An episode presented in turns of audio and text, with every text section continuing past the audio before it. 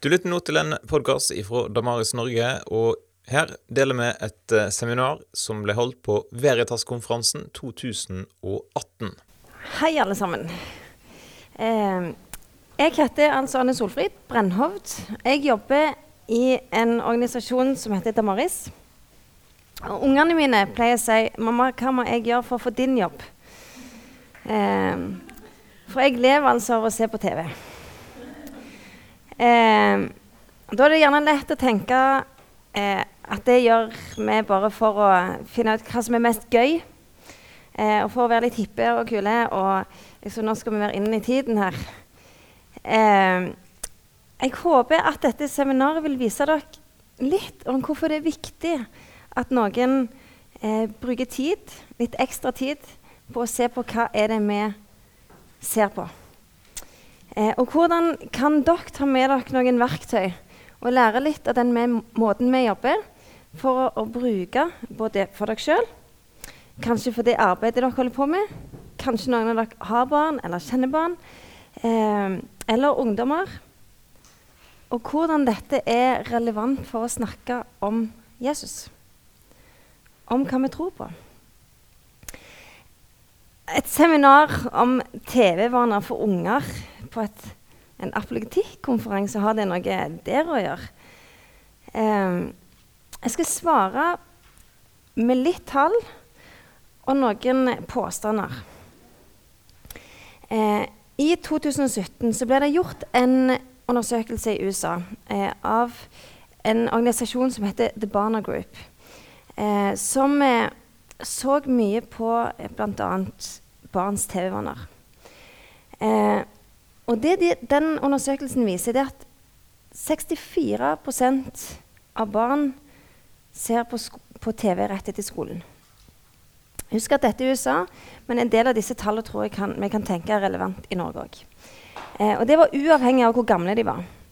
Eh, og 6-11 år gamle barn ser på tegneserier 28 timer i uka. Eh, i Det nye testamentet så finner vi flere steder et ord som heter katekeo. Eh, F.eks. i Lukas, i kapittel 1 og vers 4. Der står det For at du skal lære å kjenne hvor pålitelige de lærdommene er som du har blitt undervist i. Det er å lære noen opp til en religiøs tro. Det er katekeo. Eh, katekesis er på en måte verbet av det, og det betyr å instruere muntlig. Og det handler gjerne om religiøse instruksjoner. Sånn, hvordan du får folk til å overta eh, den forståelsen av hva, religion innebærer. Eh, derfor hadde vi katekismen tidligere, i, eh, ikke minst i konfirmantundervisningen. Kanskje noen har hørt om, om Luthers eh, to katekismer. Der kommer det ordet fra. Før så var det gjerne at man stilte masse spørsmål, og så skulle folk kunne svare. Hva er liksom kristen tro? Eh, og to ting kjennetegna den undervisningen når den var effektiv. Det ene det var regelmessighet. Ting måtte gjentas. Det andre var repetisjon. Det måtte gjentas med det samme innholdet. Regelmessighet og repetisjon. Hva er TV-serier prega av? Regelmessighet og repetisjon. Og Det fins nå tenker jeg, en, en kulturell fortelling som preger våre barn. Når ikke eh, eh, den religiøse fortellingen svarer på alle spørsmålene, så gjør den kulturelle fortellingen det. I dag så blir barn katekisert, kan man si det? Eh, gjennom regelmessighet og repetisjon inn i en rekke tankebygninger.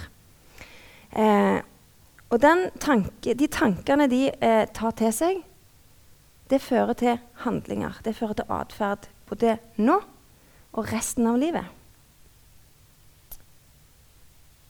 Derfor så tror jeg det er viktig å se på Hvis vi skal snakke til barn om hva tro er for noe så må vi se på hva er utgangspunktet deres. Hva har de lært?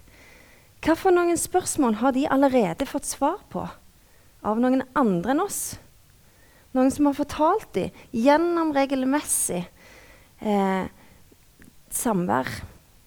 Gjennom repetisjon. Hva som er sant, hva som er rett, hva som er godt. Eh, er disse TV-seriene bare helt overflatiske, handler bare om tull og vas? Eller er det seriøse ting? Ting som handler om, eh, om hvordan livet er, henger sammen? Jeg tenker at Å plukke opp denne verdiformidlinga er i høyeste grad apologetikk. Vi er nødt til å svare. Stemmer dette med hva kristen tro sier, eller må vi utfordre det? Eh, bare, det kan være at mange kjenner godt til uttrykket 'tween', men det er ikke så veldig gammelt. Så jeg skal bare dra litt fort gjennom. Hva er en tween? Vi har ikke et sånn veldig godt uttrykk på norsk, for det, det kommer av 'between', mellom. Eh, markedsførerne lagde en gang en gruppe som heter Ungdom. Her er det ingen, De er ikke barn og de er ikke voksne. Da er de ungdommer. Her kan vi selge masse. Eh, tweens er det nye Det var i utgangspunktet rett og slett et markedssegment. Her kan du selge ting. De er ikke lenger barn. De føler seg litt for store til å leke med, med dokker. Men de er ikke helt ungdommer ennå. Her kan vi selge helt nye ting. Og i dag er tweens et av de største markedssegmentene som fins. Eh, og de blir som regel regna mellom de som er åtte til 11 eller 12, og noen strekker det kanskje opp mot 14 år. Eh, jeg tror at eh, det, er viktig å vite litt om denne aldersgruppa for å vite hvordan vi skal kommunisere til dem. Det å være en twin det er eh, beskrevet som å være i et limbo. Jeg er ikke helt barn, ikke helt ungdom. Jeg er ikke helt ferdig med familien og pizzaen på lørdagen. Men jeg begynner å se verdien av venner. Foretrekker kanskje de. Eh, jeg er ikke helt klar for å skille meg ut.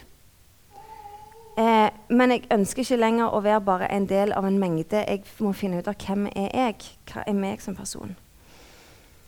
Eh, og Det er på en måte en sånn vekslingsfase. Man beveger seg mellom å være Uansvarlig og ansvarlig, avhengig, uavhengig. Eh, men jeg tenker vi må ikke bare tenke på dem som noe imellom. At nå skal vi vente på at de blir ordentlige ungdommer. Og stress at de ikke er unger lenger. Og så vet vi ikke helt hva de er. Og så plutselig så ble de noen ok, folk som vi vet. Det, der passer de inn i en boks. Eh, for det, sånn sett så er tween et litt sånn dårlig uttrykk. Eh, for da tenker vi bare at de er mellom noe. Men alle er alltid imellom et eller annet. De er midt i det. De er midt i en kjempeviktig fase. Jeg òg er mellom noe. Eh, men jeg kaller meg ikke between småbarnsmor og eh, middelaldrende. Selv om jeg nok nærmer meg det siste. Um, tweens det er en vanvittig utvikling. Det går så fort. De forandrer seg mentalt, fysisk, emosjonelt, sosialt, åndelig. De er sårbare, for det går så fort. Det er så mange endringer. Og markedsstrategiene er finpussa for å manipulere dem. Eh, for de utnytter all denne sårbarheten og den vinglinga deres. Eh, og de blir eksponert for et medieinnhold som er stadig mer voksent men de mangler den kritiske tanken, evnen til å evaluere. Er dette bra stoff eller ikke? Eh, de er en overgang at kjernefamilien får mindre innflytelse på dem. Eh, de er omringet av medier. Eh, de er på en måte neddynka i det. De lever i det overalt hele tida. Uh, og statistikken viser, samt på, på ulike vis viser forskning og statistikk, at de er opptatt av de store spørsmålene. Eh, de er opptatt eller tiltrukket av det spirituelle. Men mange av dem vil ikke regne seg som religiøse. Eh, statistisk sett så vet vi at mange av dem har tatt avgjørelser i forhold til troa si innen de er tolv år, og den avgjørelsen varer resten av livet. La det henge litt. Den avgjørelsen varer resten av livet. Det er mye vanskeligere å få dem til å ombestemme seg senere etter de er tolv år. Hvorfor må vi se på hva de bruker så mye tid på? Jeg håper de gir seg litt sjøl. Um, dette er et sitat fra en som heter Walt Mueller, som har jobba mye med eh, barn og, og tweens og tenåringer i forhold til mediene. Hvis du skal bli kjent med denne gruppa, så er du nødt til å se på hva de bruker tid på. Du er nødt til å se på mediene. Get to know the media and you get to know them. Eh, der de foregående generasjonene de kunne spørre foreldrene sine, eller de kunne liksom gå, gå tilbake til visdommen. Sånn har vi alltid gjort det. Hvis du bare gjør sånn, så får du det resultatet. Det kan ikke vi som voksne gjøre i dag. Det går så fort at vi klarer ikke å opprettholde visdommen til å håndtere det. Hvis vi ikke jobber aktivt med det. Eh, en til skal jeg sitere før vi går videre. Eh, det er en som heter Daniel White Hodge. Han er leder for noe som heter Center for Youth Ministry Studies. Han har òg jobba mye med medier og barn. Um, og han sier ungdomsarbeidere Og da vil jeg gjerne legge til foreldre eller søsken eller pastorer eller alle som jobber med formidling til barn. Alle som ønsker at barn skal få en eh, relasjon til troa eh, behøver evne til å tolke hvilke budskap som kommer gjennom mediene, og hvordan de utvikler seg. Det innebærer å gjøre den vanskelige jobben med å finne Gud innen det hellige, det profane og det sekulære.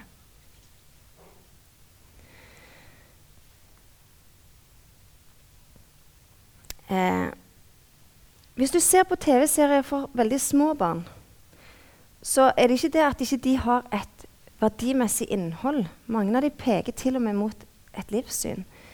Men det er ikke så veldig ofte de refererer til noe som, av det som er utenfor akkurat her og nå. Eh, det er veldig sånn umiddelbart. Eh, det er ikke så mye 'hva skjer etter døden' i Teletubbyene. Eh, når seriene for tweens kommer, så ser vi en kjempestor endring. Da er det plutselig snakk om magi. Da er det tanker om døden og livet etterpå. Hva er det som er virkelig? Hva er det som gir livet verdi?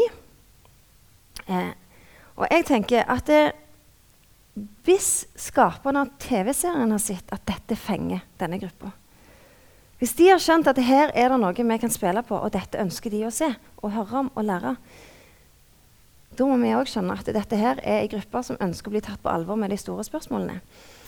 Eh, når det gjelder serier for tweens, så er, er, mitt inntrykk at mange av disse har vært litt sånn eh,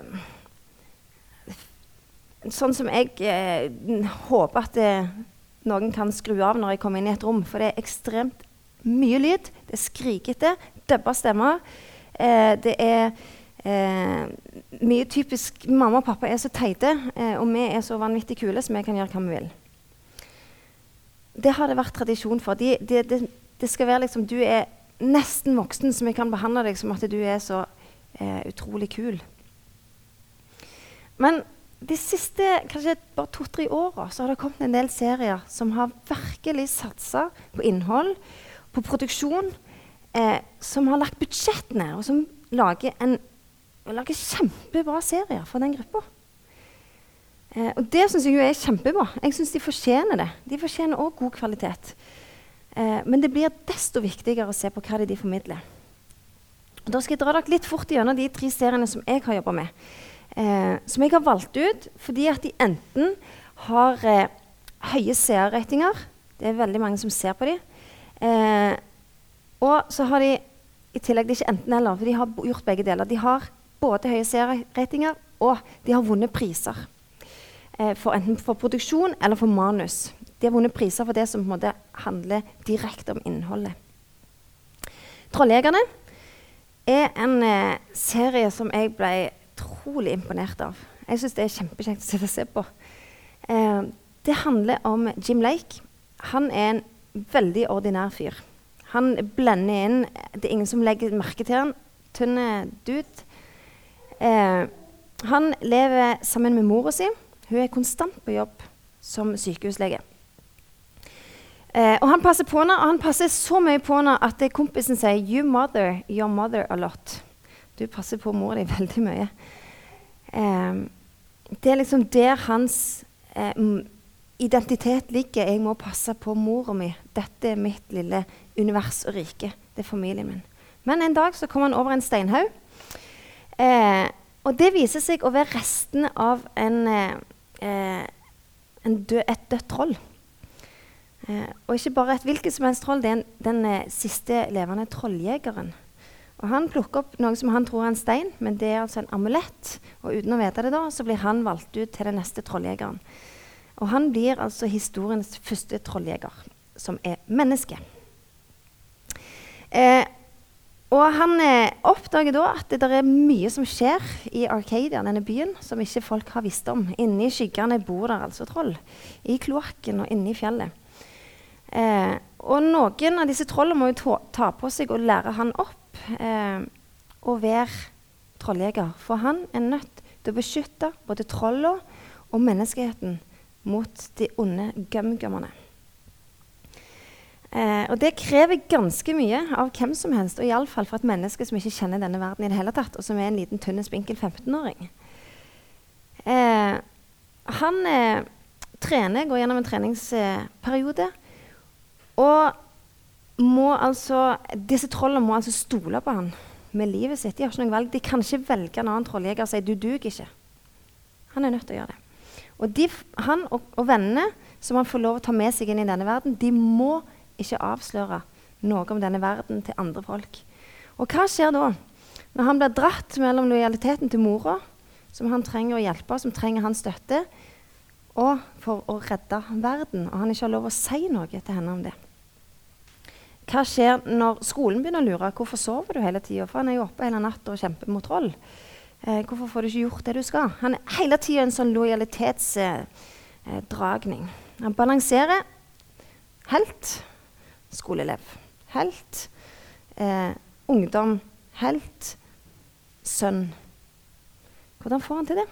Og Denne serien den ble altså nominert til ni Daytime Emmy Awards i 2017. og Den ble også nominert til tre-fire i fjor, og den har vunnet ganske mange serier. Eh, og Den er lagd av eh, Dreamworks, altså et, et anerkjent produksjonsselskap. Og Regissøren, Guillermo del Toro, heter han. Han har òg lagd Oscar-vinnende filmer før.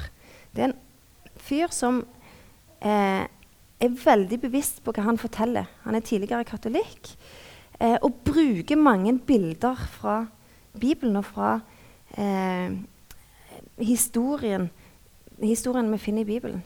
Eh, men ikke bare historien, men òg eh, eh, kampen mellom det onde og gode. Han henter mye fra den tidligere troa si. Han sier det, det, det, det funker jo. Vi tror jo at verden er sort-hvit. Det er en god måte å forklare ting på. Eh, en annen ting som løfter serien, det er hvor gode skuespillere de har brukt. Han som spilte, hadde stemmen til Jim de første to sesongene han hadde eh, Anton Jeltsin. Han døde veldig fort. Eh, men han òg har jo vunnet masse priser for dette. Og så er det Kelsey Grammer som har eh, stemmen til han ene trollet. Han har spilt i Cheers og Frasier. Og eh, gjør bare en helt fantastisk jobb som dessverre norske unger ikke får med seg, for de ser han ofte på norsk. Eh, den neste er verdens dårligste heks, eller The Worst Witch. Eh, den er basert på en bokserie av ei dame som heter Jill Murphy. Eh, og hun lærer om å eh, bli heks. Eh, hun som heter Mildred, som hovedpersonen.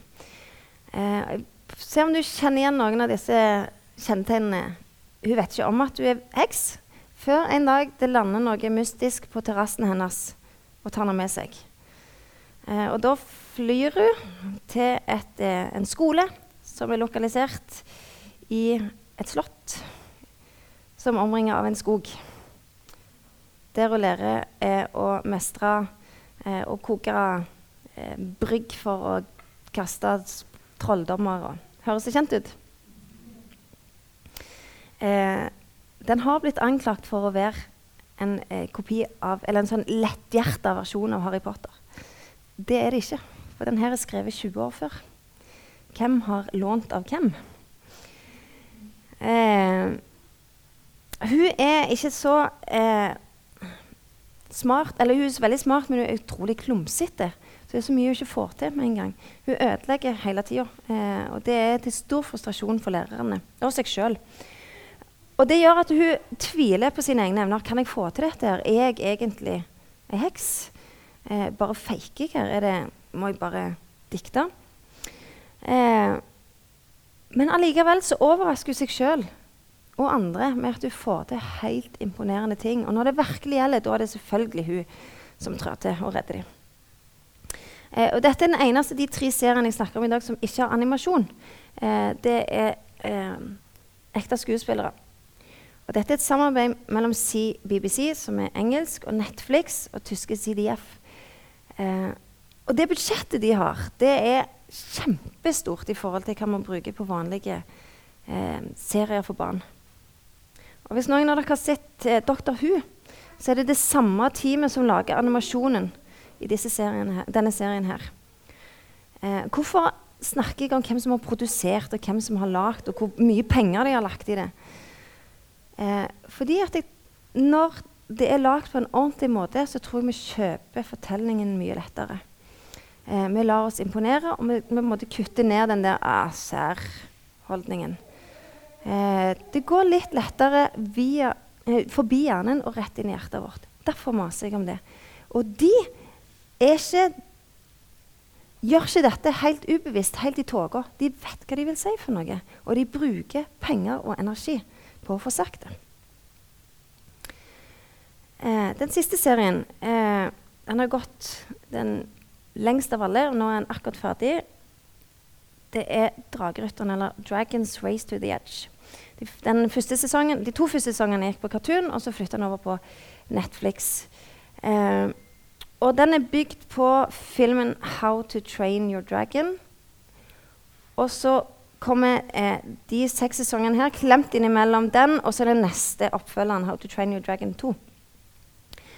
Eh, og her så møter vi en eh, vikingverden så der det er fullt av myter. Eh, de forteller hverandre historier, og det er mye snodig som skjer.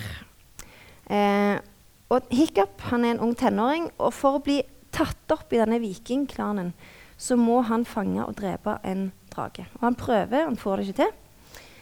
Eh, og når han slutt, til slutt får til å fange en drage, så finner han ut Fillen, jeg greier ikke å drepe den her. Så han blir venn med han og oppdrar han istedenfor. Og dermed så snur hele eh, konstellasjonen i denne vikinglandsbyen. For da oppretter eh, han og kompisene en, eh, en drageskole der de trener drager. Eh, og det de oppdager da, er at det fins mange flere verdener enn den som de har levd i. Eh, verdener som, der ikke ting er så forutsigbart, der det er drager som ikke lar seg eh, trene, og der det er ting som ikke lar seg overvinne med det første. Eh, og der en del ting truer med å ødelegge harmonien mellom drager og vikinger helt fullstendig. Og hva skjer da? I disse tre seriene så er det noen nøkkeltrender, no, noen ting som går igjen. Eh, det er tre fellestrekk som jeg skal trekke fram først. Har dere lagt merke til alderen på hovedpersonene? De er sånn 13-14-15 år. Det vil si at de er bitte litt eldre enn tweens, som er hovedmålgruppa. Det er perfekt. For tween, tweens kan relatere. Det er ikke voksne, men det, det, det er eh, gamle nok til å være rollemodeller for dem. De kan se opp til dem, og samtidig kan de tenke 'Å, flaks. Jeg er ikke så gammel ennå'. Det er ikke forventa at jeg skal bidra med dette her helt ennå. Jeg kan sitte litt eh, og vente til jeg blir stor nok til å få sånne utfordringer. Eh, det andre er at alle de tre de tar i bruk gamle myter og historier. Og en del av de tar også, eh, som spesielt den første, bruker også en del bilder fra Bibelen eller fra kristen tankegang. Eh, jeg tenker at det er gjort bevisst fordi at det, man i en sånn en usikker overgangsfase så bekrefter man at noe står fast.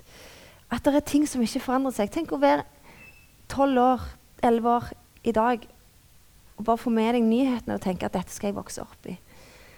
Jeg tror det oppleves litt godt for dem å se at det en, dette her, her handler om ting som har vært likt alltid. Dette har vi snakket om alltid. Eh, det rotfester de litt. Og det tredje er at det, heltene oppdager alle sammen at de har tilgang til overnaturlige krefter på et eller annet tidspunkt. Eh, men de får ikke nødvendigvis evnen til å mestre dem med en gang. De må trene, og de går på eh, snørret, de ødelegger, og de gjør feil. Eh, men målet er å få kreftene til å tjene de istedenfor motsatt. Eh, og de må bruke tankene og fokuset sitt for å få det til. Og jeg tenker Kanskje det appellerer til en åtteåring som tenker det kan være at en plass inni meg så har jeg uoppdaga krefter. Det kan skje med meg òg. Jeg går rett inn i den drømmen om å bli noe når jeg blir stor. Det kan være meg. Gå inn i en eh, gjennomsnitt i tredje klasse, fjerde klasse og spør hva de skal bli. De skal bli youtubere. Eh, de skal bli stjerner. De skal eh, bli kjent. Hvordan? Det vet de ikke. De skal bare komme fra innsida. En eller annen plass skal de oppdage at jeg har noe ukjent inni der.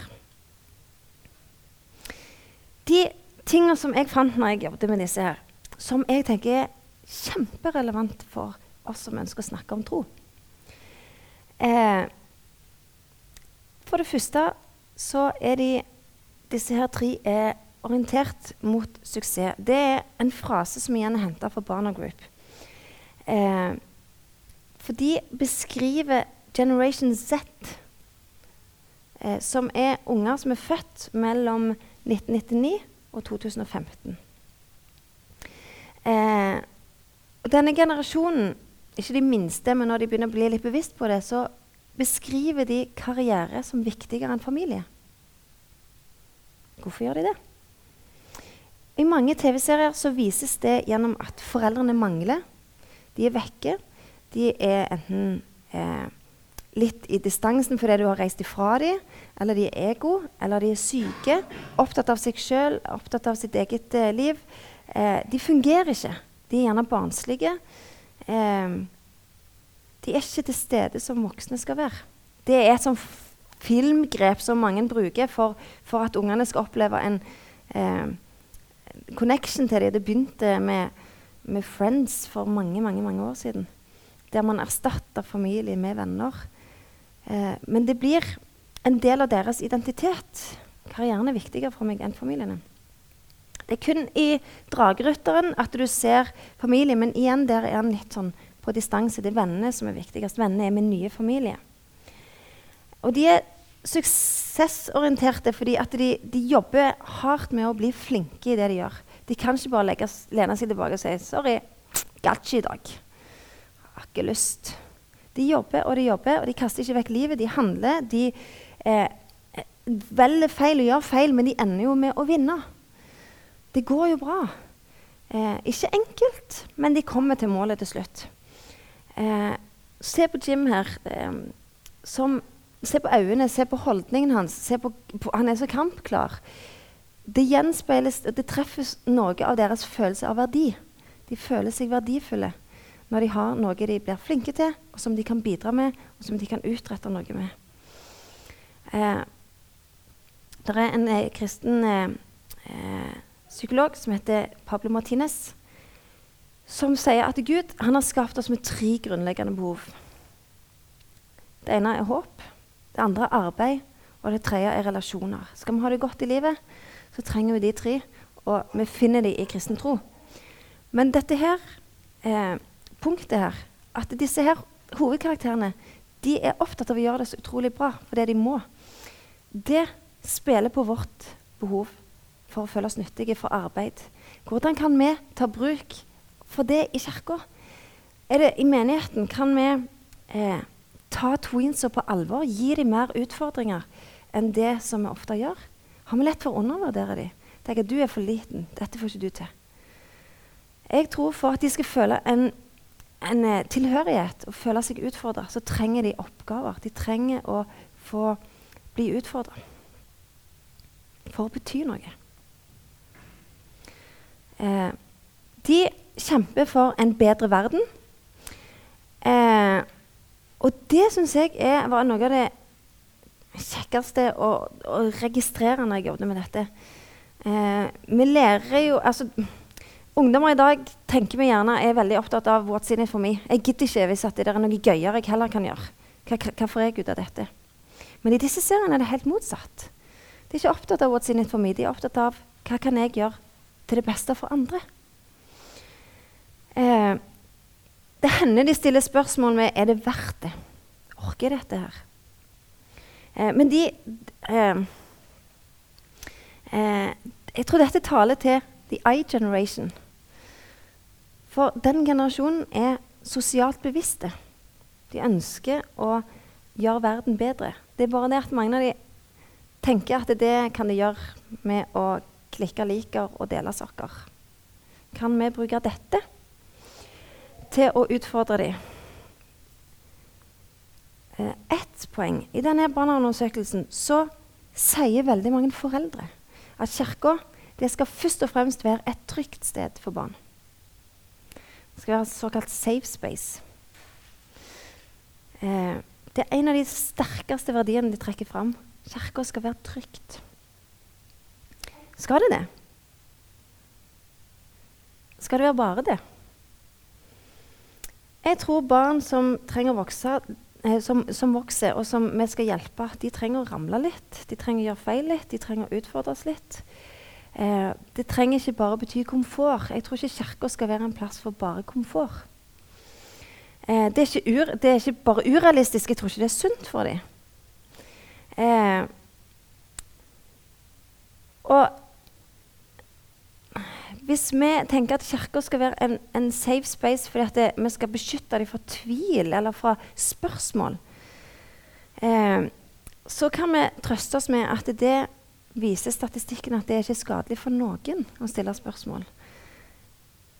Helt motsatt. Vi må hjelpe dem til å se hva kan jeg gjøre for en bedre verden. Det viser òg vanlig psykologi. Hvis, hvis, man betyr noe for andre, så får man det bedre med seg sjøl. Eh, stillhet er farlig for troen. Mangel på å forsøke er farlig for troen. Jeg tror dette punktet, å kjempe for en bedre verden og hjelpe ungene til å se hvordan kan jeg gjøre det, bl.a. gjennom å svare på spørsmål, ja, det taler til vårt behov for håp. Det tredje var jeg litt innom i stad, men det handler om at det, disse her er sånne usannsynlige helter. De er egentlig for unge, de får et for stort ansvar, de er ikke forberedt, de visste ikke om det. et eller annet sånt. Eh, de har hinder de må komme over, de har feil fysikk, eller de er redde, eller de er klossete. Um, de er annerledes, de er ensomme. Det er lett å identifisere seg med dem. De er ikke sånne helter i kappe som bare er perfekte. De er ganske like deg og meg. Igjen så tror jeg at det gjør at når vi relaterer til dem, så er det lettere å leve seg inn i deres verden og akseptere deres de, eh, tankebygninger. Og hvem vet, kanskje er det sånne skjulte krefter inni meg. Kanskje en dag så kan jeg trekke kaninen opp av hatten. Ta-da! Så jeg fikk det. Vanlige folk som de. Det kan være meg. En dag eh, jeg, jeg, snakker ikke nødvendigvis om at en dag så skal jeg kunne fly. Eh, en dag så, så, kan jeg trylle. Eh, men det handler kanskje om at en dag så vil et kall bare ramle ned i hodet på meg. Å, det var det jeg skulle gjøre! Det var jo flaks. At det bare landa noen på terrassen min og sier 'dette er ditt liv'. Vær så god, lev det livet. Sånn funker det ikke. Eh, veldig sjelden. Tilbake til Barna Institutt. 91%, 91% av amerikanere tror at den beste måten å finne seg sjøl på, er å se inn i seg sjøl. Det er å lytte til seg sjøl. Er det hele sannheten? Kan vi bli helter gjennom å lytte til, til oss sjøl? Hva har jeg lyst til egentlig? Følte jeg for dette? Hvis de her skulle ha gjort det, hadde jeg lyst i dag, så hadde ikke de blitt helter. Eh, er det sjølrealiseringa som gjør det? At nå kan jeg bli liksom noe stort? Jeg tenker at Vi som kristne vi har tilgang til overnaturlige krefter. Men vi er bare verktøyet. Vår styrke kommer ikke fra oss sjøl. Vi er sterkest når vi er svake. Og I møte med disse superheltene så tenker jeg at vi må understreke det. Vår styrke kommer gjennom vår svakhet. Og det siste eh, det er behovet for tilhørighet. Alle disse seriene spiller på et behov for et team. De trenger vennene sine. De kan ikke operere alene. Eh, og de behøver at andre tjener dem med sine gaver, disse heltene. De hadde ikke klart seg, hadde ikke noen andre steppa inn og bidratt med det som var deres spesielle gave. Eh, Jim Lake han prøver en gang å redde verden helt alene, og det ender skikkelig gale. Han holder på å sette hele oppdraget i fare. Eh, og ikke bare seg sjøl, men han setter mange andre eh, i ubehagelige og livsfarlige situasjoner. Eh, og når de da ikke har familie, så blir teamet og vennene utrolig viktige, som jeg nevnte i stad. Det er en sånn typisk postmoderne verdi. Eh, men mange unger opplever jo at familien er fjerne, at de er på distanse. Iallfall i forhold til tro. Snakker ikke så mye om de store spørsmålene. Hvem går de til da? Snakker vi med barna om disse spørsmålene? Jeg tror dette siste punktet reflekterer vårt behov for relasjoner, for tilhørighet. Det er et sjakktrekk at ikke de trekker inn kjernefamilien i disse seriene. her. Eh, for jeg tror at ungene kan tenke at det, selv om jeg i mitt virkelige liv ikke har noen jeg kan stole på, jeg føler ikke er noen som, som stilles opp for meg, så kan det, i, altså i min familie så kan det være noen. Jeg må bare finne mitt team. Så vet vi at det sitter så mange ensomme barn som lengter etter sitt team. Kan vi møte dem på det? Eh, vi vet til og med at det, karakterene i TV-serier erstatter venner for mange. De blir så glad i dem eh, fordi de ikke har så mange andre. Eh, et siste punkt. Mange pastorer, når de skal identifisere problemer i sin tjeneste, vet du hva de sier? Mangel på foreldredeltakelse. Mangel på voksne frivillige. Eh, Tweens-gruppa er vanskelig å skaffe ledere til. Voksne ledere. Ei så avgjørende gruppe som trenger voksne, som trenger sitt team. Eh, vi har hørt før i dag om, om, identitet og moral. Det var helt fantastisk. Eh, I disse seriene så er på en måte identitet noe som du blir gitt. Det er ikke noe du bare kan bestemme deg for. Jeg skal bli, være sånn ferdig, og så kan jeg ombestemme meg i morgen hvis jeg har lyst. Identiteten din er gitt. Det er gjerne tilfeldighet eller omstendigheter. Jim valgte ikke å bli trolljeger, Mildred valgte ikke å være heks. Eh, Hiccup skulle gjerne vært vanlig viking. Eh, men disse tre skiller seg fra den der postmoderne 'jeg vil være hvem jeg vil', og du skal ikke blande deg i det. Det bestemmer jeg. Disse her tre de har retning, en retning, et mål. De må bare gjøre det som skal til. Det er litt sånn lina opp for dem. Og Det viser seg det at det, det, det, er ikke mange år siden det var en sånn bølge av TV-serier som spilte på dette. Ikke bland deg i mitt liv. Men den er litt sånn ferdig. Ungene vil heller ha dette. Gi meg et mål og en retning. Eh, det var en serie som het Victoria, som gikk fra 2010 til 2013. Og der var hovedsangen, altså den introsangen You don't have to be afraid to put your dream in action. You're never gonna fade. You'll be the main attraction. Jeg skal bli noe, jeg skal bli noe stort, og bare, bare vent og se. Eh, og det handler om meg. Disse her tre de blir for mål og retning som koster de ting. Eh, og allikevel så holder de fast på det. Når det gjelder moral, skal jeg bare si én ting som jeg syns var fascinerende. Vi kan se mye om hva som er rett og godt, og som blir, eh, hvem som gir på en måte, hvem som bestemmer hva er det som er rett og godt her. Men jeg skal bare trekke fram én ting. Det handler veldig lite om du må være god. Det handler om jeg har lyst til å være god. Fordi det blir presentert som attraktivt. Kan vi plukke opp det? Hvordan kan vi presentere det som attraktivt å være god? Eh,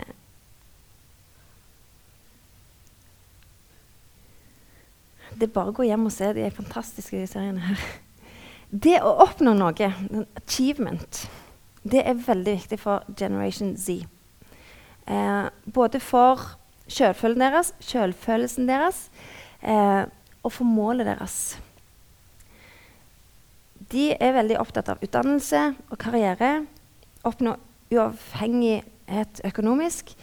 Eh, ganske mange tenåringer drømmer om å få eh, forventer å få sin drømmejobb før de er 25. Eh, og én av fire tror de vil være berømte innen de neste ti åra.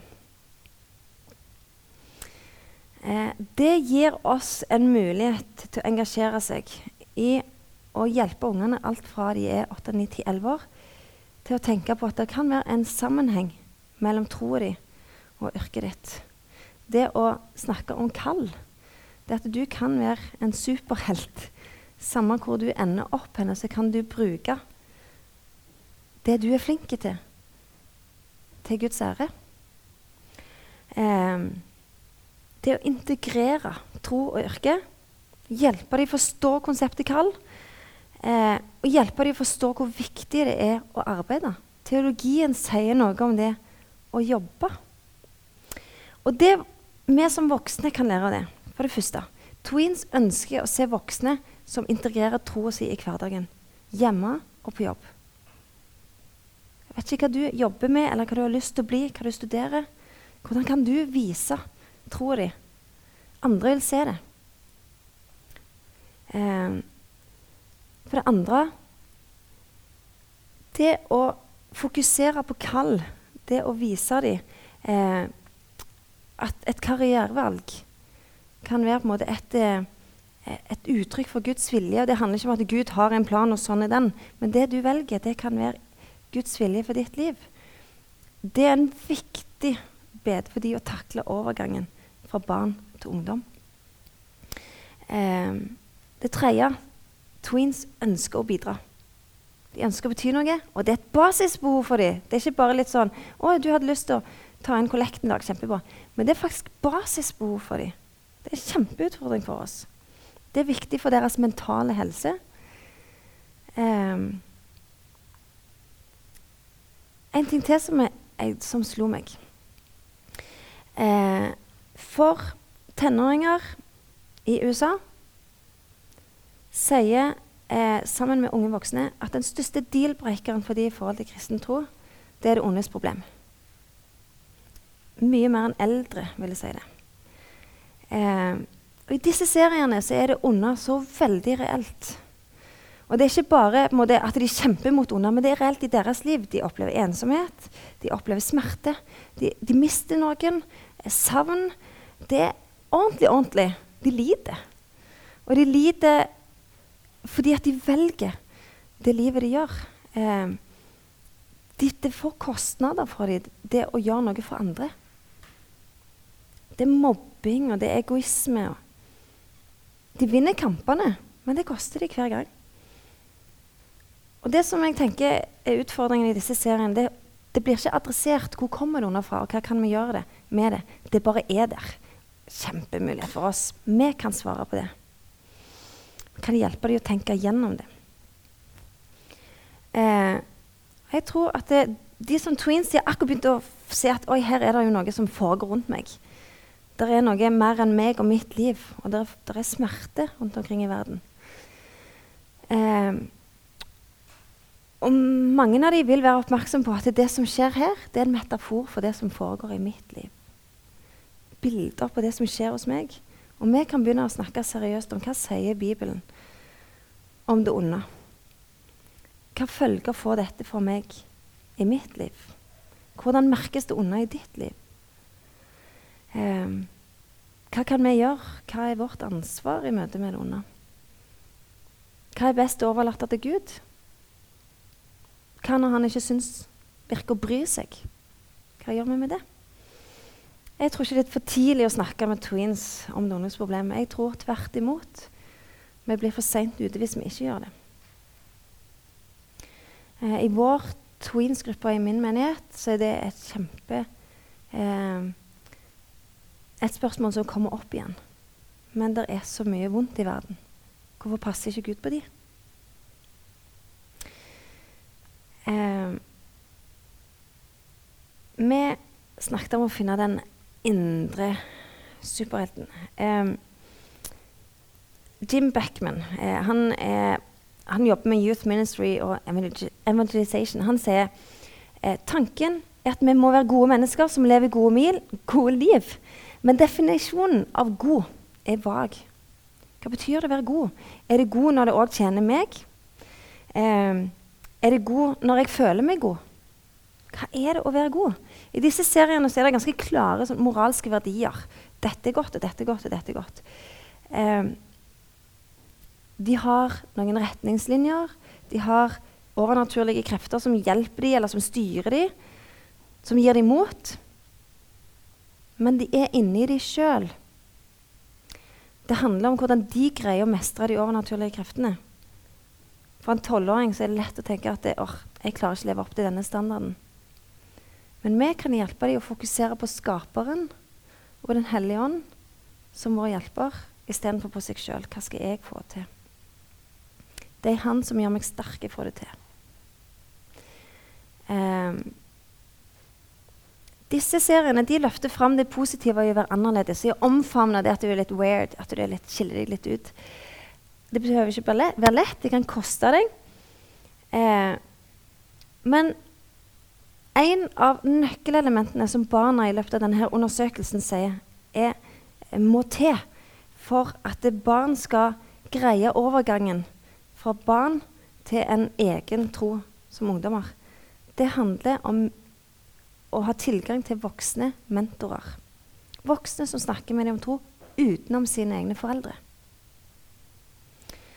Eh, men det som er, det er at det, denne undersøkelsen viser at halvparten av tenåringer i kirka sier at men kirka, det virker som om kirka avviser mesteparten av det vitenskapen forteller om verden.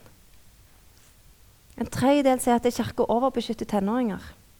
En tredjedel sier at mennesker i kirka er hyklerske.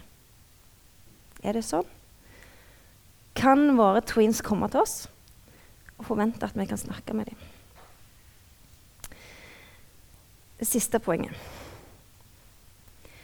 Eh, dette sitatet her er ofte eh, eh, referert til eh, Chesterton.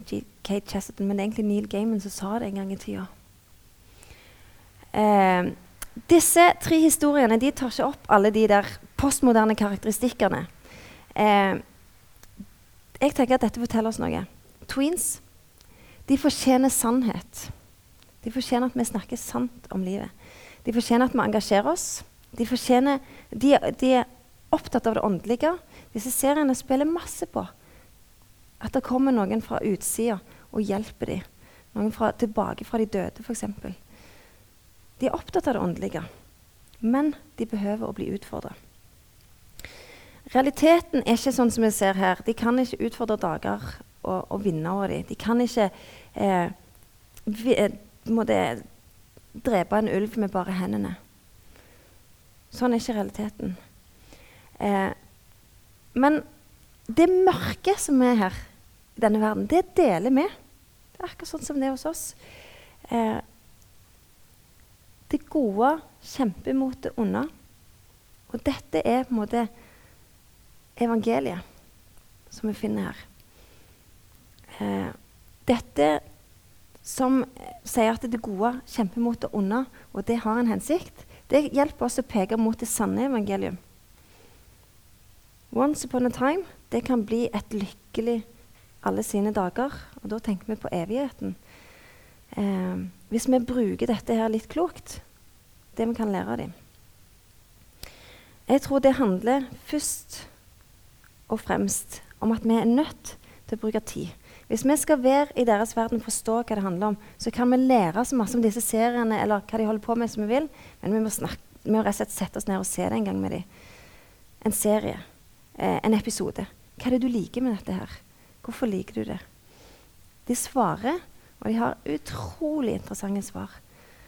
Eh, og så kan man dra videre på det. Eh, det som de svarer, det som de ikke forstår, det som de liker. Noen personer de liker best. Um, er det noen scener de, de ble redd av, eller noe de falt for? Da har jeg dratt dere gjennom noen serier. Og jeg håper at det pekte på at dette her kan vi bruke. Dette er til nytte for oss. Er det noen spørsmål til slutt?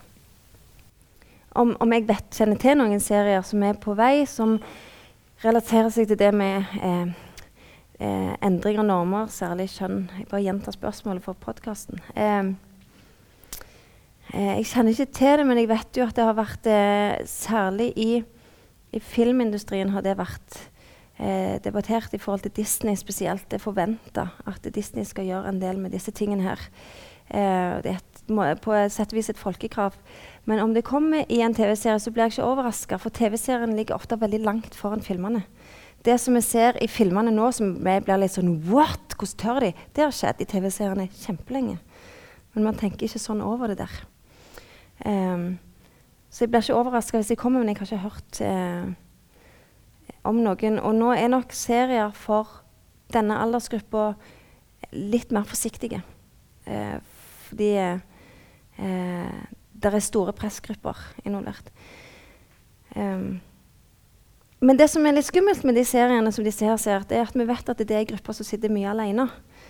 De er, de er for store til å gå på SFO, men de er, er ikke lenge nok vekk, like lenge vekke som foreldrene. Så de sitter hjemme alene og får disse seriene rett inn i fanget. Mm. Ja, bildet av Gud som far når, eh, når far i, eller foreldre generelt blir framstilt som, som, fraværende eller på distanse. Eh, det er nok et, uansett et generelt problem for mange som opplever en, en familieoppløsning, eh, å formidle et, eh, et, forståelig bilde av Gud som far. Eh, så det handler jo like mye om eh, sjelesorgen, tenker jeg, det å hjelpe folk til å se hvem Gud er, og hva en far er, når du ikke har det bildet i ditt eget liv, og du heller ikke får hjelp til å se det i, eh, i populærkulturen. Eh, vet ikke om det ene trenger utelukke det andre, at vi heller introduserer Jesus. Jeg tror heller det handler om at vi er nødt til å formidle hva, hvem er Gud, eh, og hva er siden av Gud. Han er både hellig og, eh, og far. Eh, men jeg tror det er et utrolig viktig poeng at når disse foreldrene som skal være rollemodeller som skal lære oss. De er vekke, og så sitter ungene og tenker her må jeg finne ut av dette sjøl. De, de ser, går ikke til, til, de voksne og spør 'Hjelp meg, jeg vet ikke hva jeg gjør i denne situasjonen'. Eh, vi er nødt til å legge til rette for at det er naturlig eh, når vi møter barn. Enten vi er foreldre eller vi møter dem. Kom til meg. Kom til meg, det er et snakk med meg. Jeg skal være den voksne som funker, tror jeg. Mm. Ja, hva gjør man med de tingene som man ikke ønsker at ungene skal se? Eh, bare sånn en liten kommentar. Eh, jeg tenker jo ikke at det, Når jeg snakker om en serie, så er det ikke sånn at det alltid alt er bra. Eh, eh at jeg lovpriser alt som skjer. Litt av tanken med i dag er å vise at det, det, er ting som vi kan utfordre, ting som vi kan bekrefte. Eh, men de tingene som man bare tenker dette, ah, dette vil jeg ikke For det første så tror jeg det er superviktig at foreldre sier dette gjør du faktisk uten at jeg har godkjent det. Eh, at vi tør å si 'dette er ikke bra'. Eh, for det andre så syns jeg det er kjempeviktig å holde dialogen oppe og snakke hva er det eh, Hva er det som gjør at vi blir tiltrukket av dette her? Eh, hva er det du kjenner, altså, hva er det som gjør at du har lyst til å se på det? For da og så prøve å trekke det videre. Men hva er det i meg som gjør at jeg faktisk blir tiltrukket av dette her? Og er det noe jeg ønsker med livet mitt? Eh, jeg har vært eh, sluppet lett unna privat, fordi at det, eh, mine barn har ikke ønska det. Eh, men gruppepresset kommer man jo ikke vekk ifra, samme om man gjør en kjempegod jobb som forelder. Men jeg tror signalet man sender uansett, eh, om at dette her formidler mer enn bare det man ser, og så prøve å komme forbi det der at dette er ekkelt, dette er, eh, dette er dårlig. Men hvorfor er det det? Eh, hvorfor oppfører de Ex on the Beach seg sånn? Kan det være at de eh, sjøl bærer på skam? Kan det være at de sjøl eh, mangler et eller annet som gjør at de er desperate etter å få den oppmerksomheten her, og har mer lyst til å gi dem den? For eksempel. Men dialogen er eh, superviktig. Men noen ganger så ofrer jeg den for å si bare sånn er det, ferdig, jeg snakker her. Ja, Det er min, mitt, min heim. Går du hos noen andre, så vet du at du gjør det mot min vilje. For det ja. Det tror jeg vi har lov til å gjøre noen ganger. Men er det noen andre innspill, så er det bare å fyre løs, altså. Yes, men nå har jeg brukt opp tida. Tusen takk for meg. Lykke til.